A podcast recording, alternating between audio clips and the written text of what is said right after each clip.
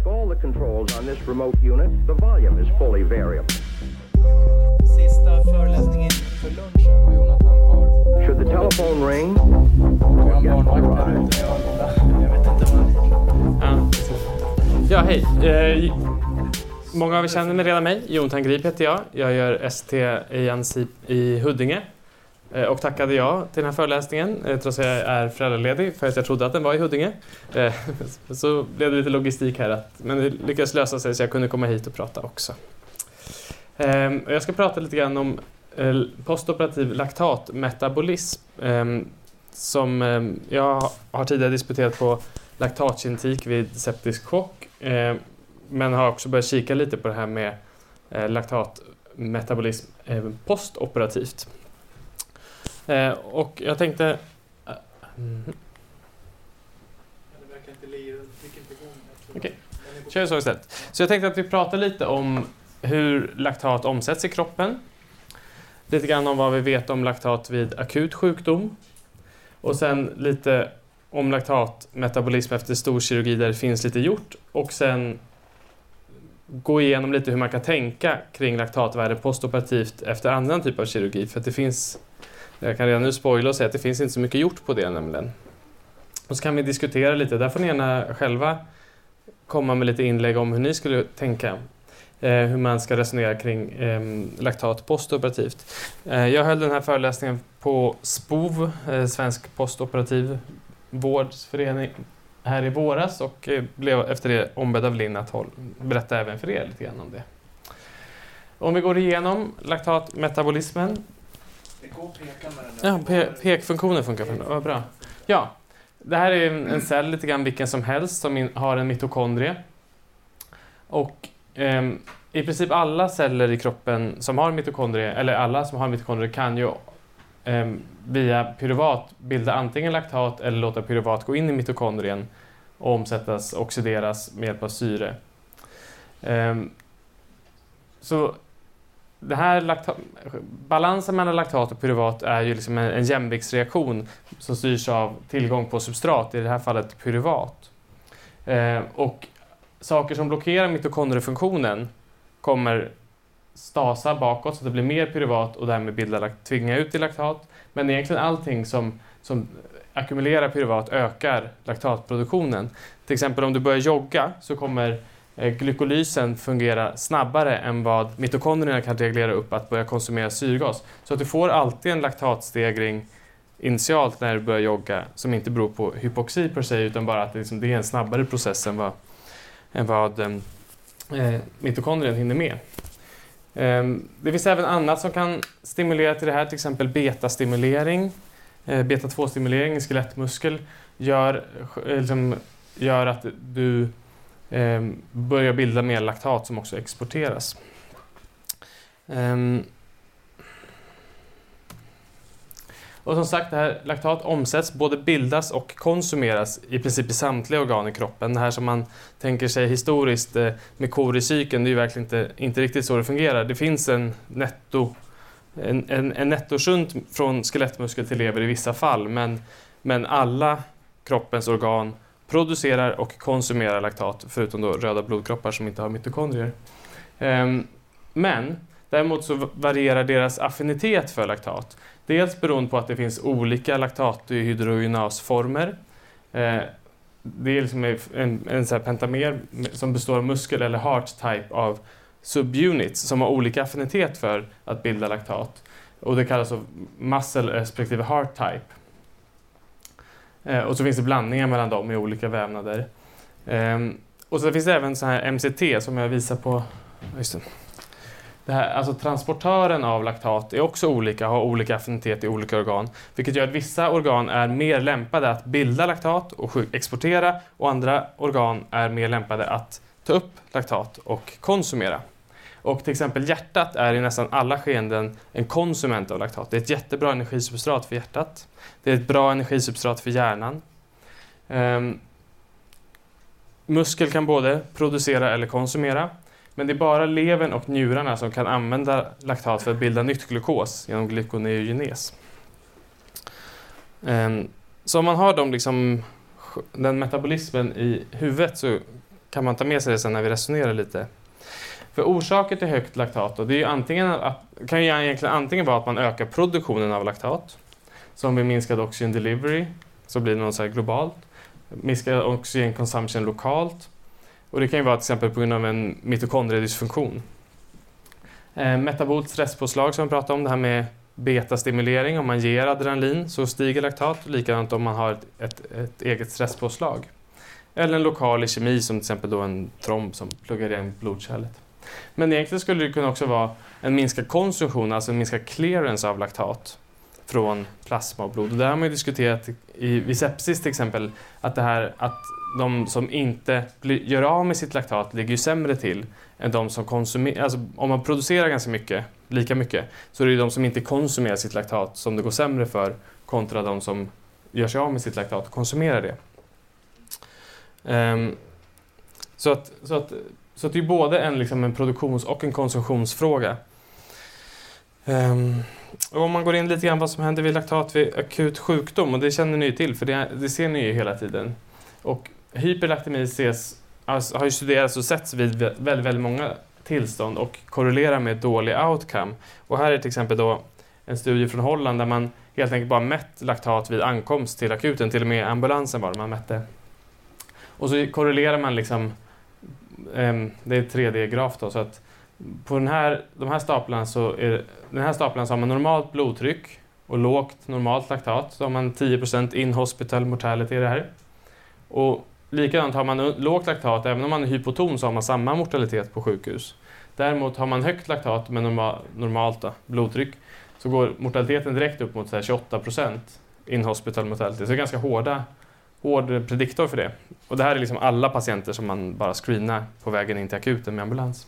Men har man både hypotension och laktat så är det liksom nästan ja, det är över 50% mortalitet på sjukhus. Då.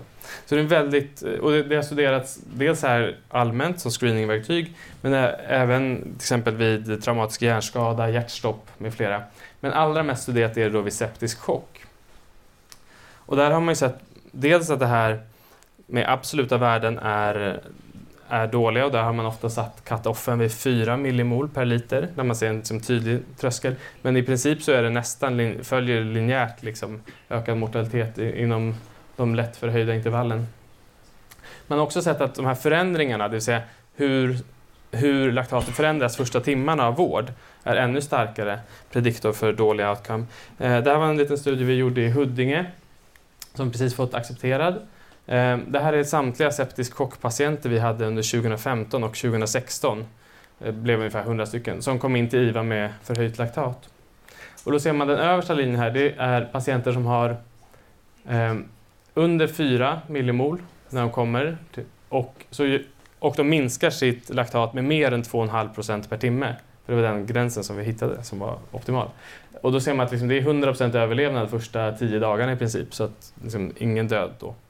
Sen så har vi den här nästa grupp som har laktat över 4 när de kommer men minskar ganska snabbt. De har också väldigt låg mortalitet egentligen för att vara septisk och patienter.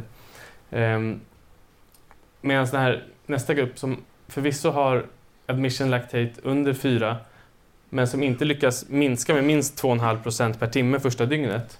Då har man 20 mortalitet över tre dygn, men de här som kommer in med dels högt och dels inte clearar med minst 2,5% per timme under första dygnet så dör 60% inom 60 timmar. Um, så att det, det, är, laktat är framförallt en prediktor av tidig mortalitet. Sen så följer linjerna varandra, precis som de gör i alla andra studier i hela världen. Att det är typ första närmsta tre dagarna som man kan säga att laktat har en förhöjd, eh, eh associerat med förhöjd mortalitet. Så, allt det här är lite grann om bakgrunden till hur vi använder laktat vid andra tillstånd. Och om vi tittar postoperativt då, så finns det en del gjort eh, postoperativt i stor eh, hjärtkirurgi. Där har man ju uppslagning och man mäter ju saker eh, hela tiden. Så att då, då har man kikat här på tio års öppna hjärtoperationer. Eh, det finns en hel del gjort, det här var en av de större studierna så därför jag tog den. De säger att de har 16 000 fall, vilket är halvsant för att det är bara hälften av dem som de faktiskt har mätt laktat på. De andra är bara kontroller i som inte mäts. Och då ser man att eh, eh vad ska man säga, 200 av 8000 hade ett laktat över 10 någon gång under de tre första dagarna. Man såg också att de här gruppen som, som stiger i laktat, det är också de sak, som, som, som är i hög risk för att det ska gå dåligt ändå. Så man kan ju tänka sig att det, att det borde samvariera och det gör det ju mycket riktigt. Blåa är den som man inte mäter laktat på. För de var för friska för att gå in i deras, liksom, de har sina fast track-program så det är de som är för friska för att vara med i de här eh, mäta laktat på tyckte de. Eh, 0 till 5, 5 till 10 någon gång under de första tre dygnen och de som går över 10 så är det återigen här 60% mortalitet inom ett par dagar. Eh, imponerande med 4000 dagars uppföljning. Eh, och de lyckas också få in en så här sigmoidal kurva, att här i det här intervallet så är nästan linjärt eh, linjär ökning i mortalitetsrisk med laktatet. Så det är lite intressant, men det, är, det säger bara att det är så. Det säger inte att man kan göra något åt det. De här beskrivande så har man även gjort lite prospektiva studier där man faktiskt försöker mäta laktat standardiserat och se om man, om man kan se eh, vad det kan bidra med. Och laktat över 3 ökade risker för mortalitet då, efter hjärtkirurgi. Och det här var starkast om, om, om laktatet var förhöjt 24 timmar efter ankomst till IVA. Och det är ju samma sak som det här tidigare med sepsis och allt annat. Att blir man inte av med sitt laktat, det är det som är farligt, inte att man bildar från första början. Så dag två, eller dag ett laktat, är även här farligast. Och på hjärtkirurgin har man faktiskt gjort så pass mycket som man faktiskt börjar komma ut med lite reviews och sånt där. Eh, så det här kom i 2017 och då konstaterar man helt enkelt att förhöjt laktat efter operation är förenat med eh, sämre outcome, men det finns inga egentligen studier som säger var det här laktatet kommer ifrån. Det finns inga metabola studier på det här på hjärtkirurgi som säger någonting om eh, mer än 5-6 patienter såg jag i något experiment. Men, men, men det går inte att säga varifrån det här laktatet kommer, om det är en ökad produktion, minskad konsumtion, eh, vilket man skulle kunna tänka sig till exempel efter hjärtkirurgi eftersom att hjärtat är, eh, använder sig så mycket av laktat eh, för sin eh, metabolism. Och man har inte lyckats visa att mäta laktat faktiskt på något sätt förbättrar vården efter hjärtoperationer. Det finns lite grann gjort vid eh, leverkirurgi också, stor leverkirurgi. Det här var den största studien så jag tog med den. Ehm, man tittar på 490 stycken leverresektioner, single center. Ehm, och så tog man liksom det första laktatet på postop efter man kom, kom dit. Um, det var en europeisk studie, jag kommer inte ihåg exakt vilket land, men det var centraleuropeiskt någonstans. Um, och så kikar man helt enkelt bara på vad är det första laktatvärdet när man kommer ut efter en leverresektion till postop. Och då ser det ut så här, 30% ligger under 2, det vill säga vad man skulle kunna säga normalt, och 25% ligger liksom lite lätt förhöjt, så 50% ligger i princip normalt direkt efter. Vilket ju förstås är skönt att höra. Lätt förhöjt, och, men det är nästan 15% där som ligger över 6 i laktat när de kommer ut direkt efter operation till postop, vilket är ganska mycket ändå, eh, kan man tycka. Och sen kikar de också på hur mycket man minskade sitt laktat eller om man normaliserade då, eh, till dag två. Och då är det en liten svans här som fortfarande inte minskar sitt laktat till dag två. Då kan man tänka sig att det går sämre för dem då. Och så var det ju förstås. Um, probability of um, morbidity within 30 days. Så de här som kommer ut med 6 i laktat, då är 40% morbiditetsökning på 30 dagar. Eh, och om man tittar på kanske ännu mer intressant, 90 dagars mortaliteten, så är det ändå nästan 25 procent i den gruppen som postleverresektion. Det är ju ganska mycket.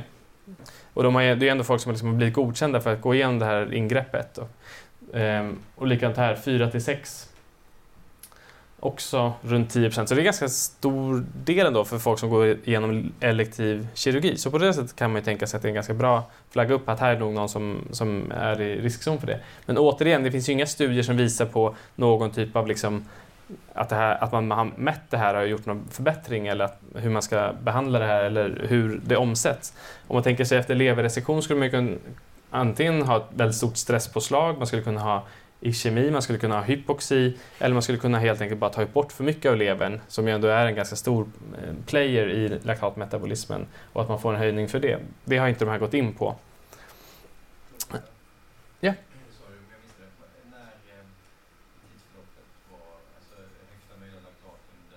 Det var inte högsta utan bara första. Efter första.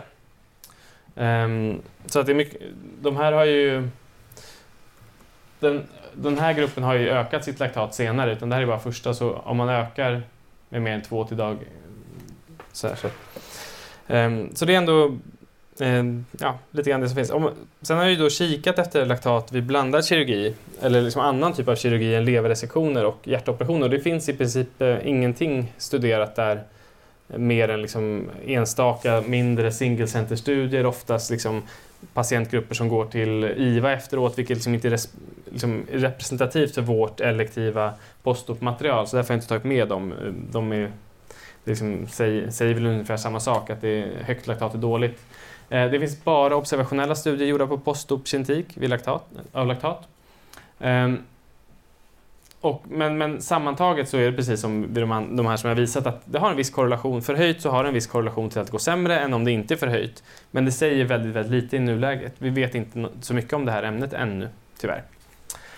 Um, än så länge kan jag inte säga att det ger någon vägledning kring etiologi av det här laktatet eller hur man ska behandla det. Uh, det finns inga studier som behandlingsstudier på postoperativt laktat ännu. Um, så om vi sammanfattar. Eh, laktatmetabolismen är påverkad efter stor kirurgi på organ som är centrala för laktatomsättningen. Eh, och vid dessa tillfällen så korrelerar stegrat laktat med högre morbiditet och mortalitet. Eh, I övrigt så är det bristfälligt kartlagt och jag ser inte något riktigt stöd för hur man ska använda sig av laktat postoperativt just nu.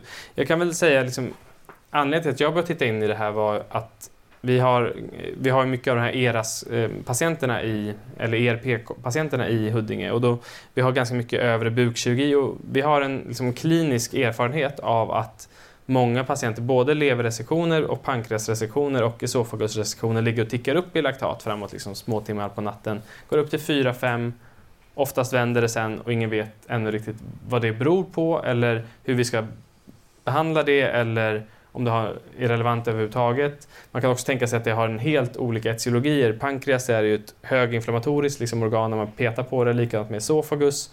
Om det blir liksom en mer en sepsisbild medan leverresektionerna kanske mer hypovolema eller, eller liksom man har opererat på levern som får en stanning. Att det kan vara helt olika etiologier så jag kan liksom inte ge någon vägledning. Men vi har börjat kika på det här och, och förhoppningsvis kommer vi komma fram till lite mer under de närmsta åren över vad det här beror på och hur man ska använda det. För vi har, än så länge, så med det enda man kan rekommendera det är väl egentligen som man alltid resonerar med laktat. Man, får, man ska följa flera värden, man ska inte bara ta ett utan man får liksom se, finns en trend. Man får resonera fysiologiskt, vad tror vi att det här laktatet beror på? Och så får man väl, alltså standardbehandlingen vid högt laktat är att man ger vätska och det kan man absolut testa om man vill. Sen så å andra sidan så kanske man har nya tarmanastomoser eh, och sånt där som inte mår för bra för mycket vätska. Och om vi stirrar oss blinda på ett laktat som, som är beroende på betastimulering istället eller något, så kanske vi orsakar mer skada. Det kan inte jag, jag kan inte liksom med, med, låta göra det med gott samvete, liksom, ge carte blanche heller, att bara vätska på för att man har täckt laktat. Det kan vi inte riktigt säga. Men man får tänka fysiologiskt och utvärdera det man gör. Jag tänkte liksom, eh, har du någon vägledning liksom hur mycket man ska tolka in volymstatus. För det du ger oss är egentligen en, ett antal andra mekanismer för laktat att vara eh, förhöjt. Annat än eh, hypovolemi. Ja. Som är det vi tenderar att använda det som signalvärde för postoperativt. Fast hypovolemi är väl ofta minsk, det är ju, den räknas ju dit på något sätt. Och kanske också ett stresspåslag att det orsakar när man är liksom hypovolem. Så att det, hypovolemin är ju det vi behandlar men det kanske är de här som är orsakerna. Eh, och antagligen så är det väl bra att ge lite vätska, men det kanske inte är jättefarligt efter en pankreasresektion att ligga på tre. Däremot fem skulle jag definitivt dra öronen åt mig. Liksom. Ja. Men det är, my guess is as good as yours just nu, tyvärr. Och man, kanske, man kanske ska mäta också en delivery längre på postop också. Och de parametrarna, cardiac index och sånt. Men du säger, för det där med levern är ju ändå intressant. Mm.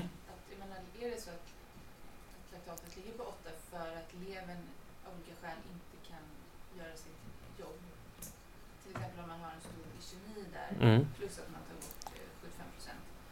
Eh, då är det ju kanske dumt att bara ge jättemycket vätska. Absolut. Så blir det inte bättre och så blir patienten övervätskad. Liksom. Precis, det är det jag menar är lite grann en risk om man bara tittar på laktatvärdet. Utan man får ju lägga ihop det med eh, vi har i alla fall en strategi där vi håller leverkirurgin väldigt, väldigt torr. Så då är man ju, har man ju under en period åtminstone varit hypovolem. Och kommer man ut sen och har fyra i laktat då kan det antingen vara på grund av att man fortsatt är hypovolem, att man har en njursvikt för att vi har hållit dem för torra, att man har en lever, relativ leversvikt, att man har haft en kanske stanning, en tillfällig, liksom, att man klampat och så levern är lite, ligger lite efter och kommer komma ikapp senare i natt. Det vet vi liksom inte riktigt ännu. Men det är ett väldigt spännande ämne tycker jag. Jag hoppas ni också tycker det. Ja. Det är bra tumregel för jag tänker det finns ju någon slags tidslagg från en sån här trigger som du har där Mm. tills att laktatet dyker upp i blodet. Jag har bara fått för mig att det är lite som CRP att man ska vi kanske tolkar det lite grann som att oh, nu har det här hänt eh, kanske en minuttid, bara Mm. mm. 20 minuter. Men i själva verket är det några timmar eller? Alltså, ehm, det beror... Jag skulle inte säga att det är så sent. Det är ganska tidigt. Eh, om man tänker sig till exempel en kramp, en bevittnad kramp på akuten går ju upp, har ju nästa blodgas som tar den direkt efter kanske 26 i laktat. Och sen en halvtimme senare så kommer det vara 13. Och sen kommer det vara 7 en halvtimme senare. Det har ungefär en halveringstid. Om du slutar producera så tar det en halveringstid på en halvtimme ungefär. Min erfarenhet från litteraturen och de patientfall jag har haft. Gör det även minskar oxygen delivery och sådär? Ehm, nej, där är det nog andra... Där kan man tänka sig att det finns andra, andra processer. Mm. Vi hade ju en studie där vi gav adrenalininfusion. Och där normaliseras ju laktat 30 minuter efter att vi stängde av den. Och då kan man tänka sig att katekolaminerna har väl en halveringstid på vadå, 20 minuter någonstans. Alltså det, liksom, det går ganska snabbt då ändå. Det var en, en av 12 som låg kvar en halvtimme efteråt på laktat. Samma laktat liksom. Alla andra hade minskat. Så ganska snabbt. Ja. Alltså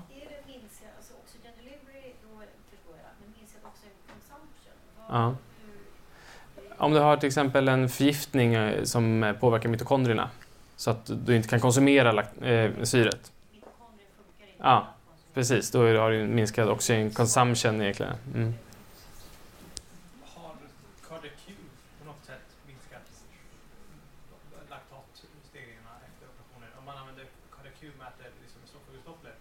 Det har inte jag sett eh, några studier som har utvärderat. Det finns säkert i, an, i hemodynamiska studier finns det säkert presenterat men inget som är liksom riktat mot undersöka laktatet just. Det kan säkert vara. Nej, jag har inget, inget svar på specifikt laktat. eh. Så, men, men förbättra outcome? Ja. Mm.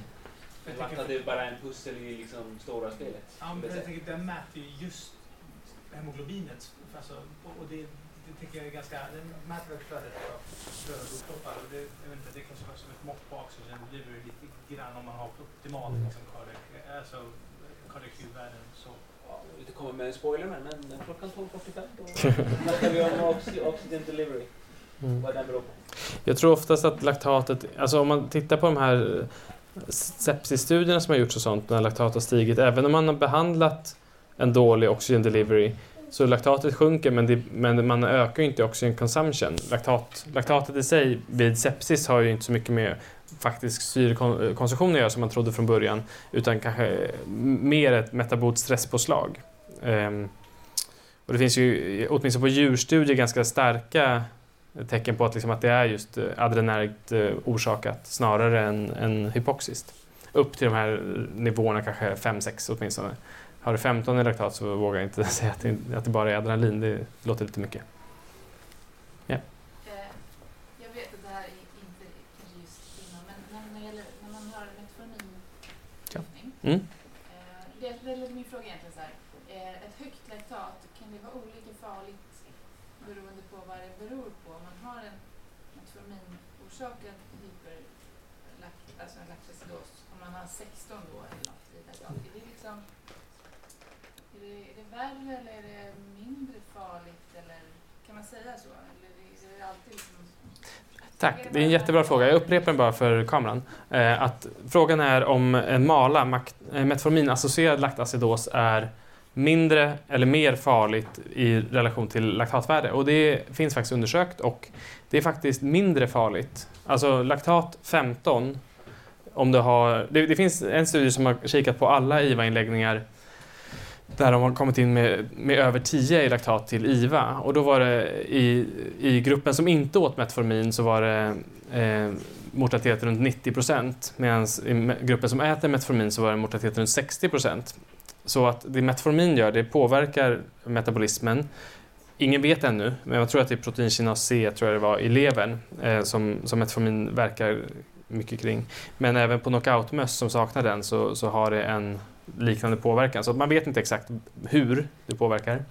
Eh, men metformin ger ett liksom, falskt högt inom citationstecken laktat. Det vill säga, du får högre laktat än vad du skulle fått om du äter metformin än vad du skulle ha fått om du inte äter metformin. Så samma laktatvärde för en metforminätare är inte lika farligt som, eh, som för en icke-metforminätare. För så kan det också vara även om laktat, eller laktat kan ligga på fyra på en patient som, som äter metformin och Mm. kommer in för någon Mm. lättare infektion. Och då, då finns det en risk för överbehandling. Absolut. Um, det, det är ju, alltså ett laktat på 4 även hos metforminbehandlade diabetiker som kommer för en sepsis, då är det självklart att den behöver vård och så ändå, men det är men riskstratifieringen är inte hundraprocentig eh, där då, utan den, de, de är lite bättre off. Och likadant vid de här eh, laktacidosen vid metforminbehandling, nu tror jag att den här dog, batterierna. Eh, men Eh, laktacidos vid met med metforminbehandling, MALA, är ju väldigt, väldigt farligt tillstånd. Men för samma pH som andra tillstånd så är det faktiskt något mindre. Alltså 6,8 i pH är alltid farligt, men faktiskt lite, lite mindre om det är just av metforminassocierad laktacidos. Eh, dock väldigt, väldigt farligt tillstånd. Och det kräver lång... Eh, eh metformin har väldigt lång halveringstid också, eh, särskilt när du får intoxdoser. Så då behövs det väldigt lång, eh, det är en lång dialys eh, för att få ut det. för, för det går inte att dialysera bort laktatet, men det går att dialysera Nej. Eh, ja, Ja, fast det tar väldigt, väldigt lång tid för det har en så här distributionsvolym. Som är väldigt hög, ja. Mm, precis. Precis. Ehm, ja, fler frågor? Ja. Jag. Om jag minns rätt från biokemin så blockerar jag tror att den är cytokrom... Ja, C. Det, det, det, det är en av de Mm. här enzymerna i alla fall i inre membran i kondriet som Mm. blockerar. Jag minns inte riktigt om det var. Eh, Har jag rätt eller är det rätt? Kolmonoxid binder väl framförallt till hemoglobinet. Precis, men att det har en påverkan på eh, de här Det, det vågar jag inte fråga på, eller svara på, men cyanid gör väl det och sånt där. Eh, Cyanid, här så du kommer se. Ja men exakt, att det skulle ha någon. Uh, kolmonoxid tror jag framförallt eh, binder upp till H. eh, det kan säkert binda där också. Det, de är ju liksom jag vågar inte svara på det. Är liksom- Cyanid är väl Ja, cyanid är ju typ molekylen liksom. Mm. Mm. Mycket möjligt. Det, jag vågar inte tala med det, men det är säkert. Faktor. Okej. Ja, det är spännande. En fråga till här. Du hade en fråga här också, längst fram. Nej, okej. nej. Bra. Ja, då är klockan 12, så jag misstänker att det är lunchdags. Tack så mycket för uppmärksamheten.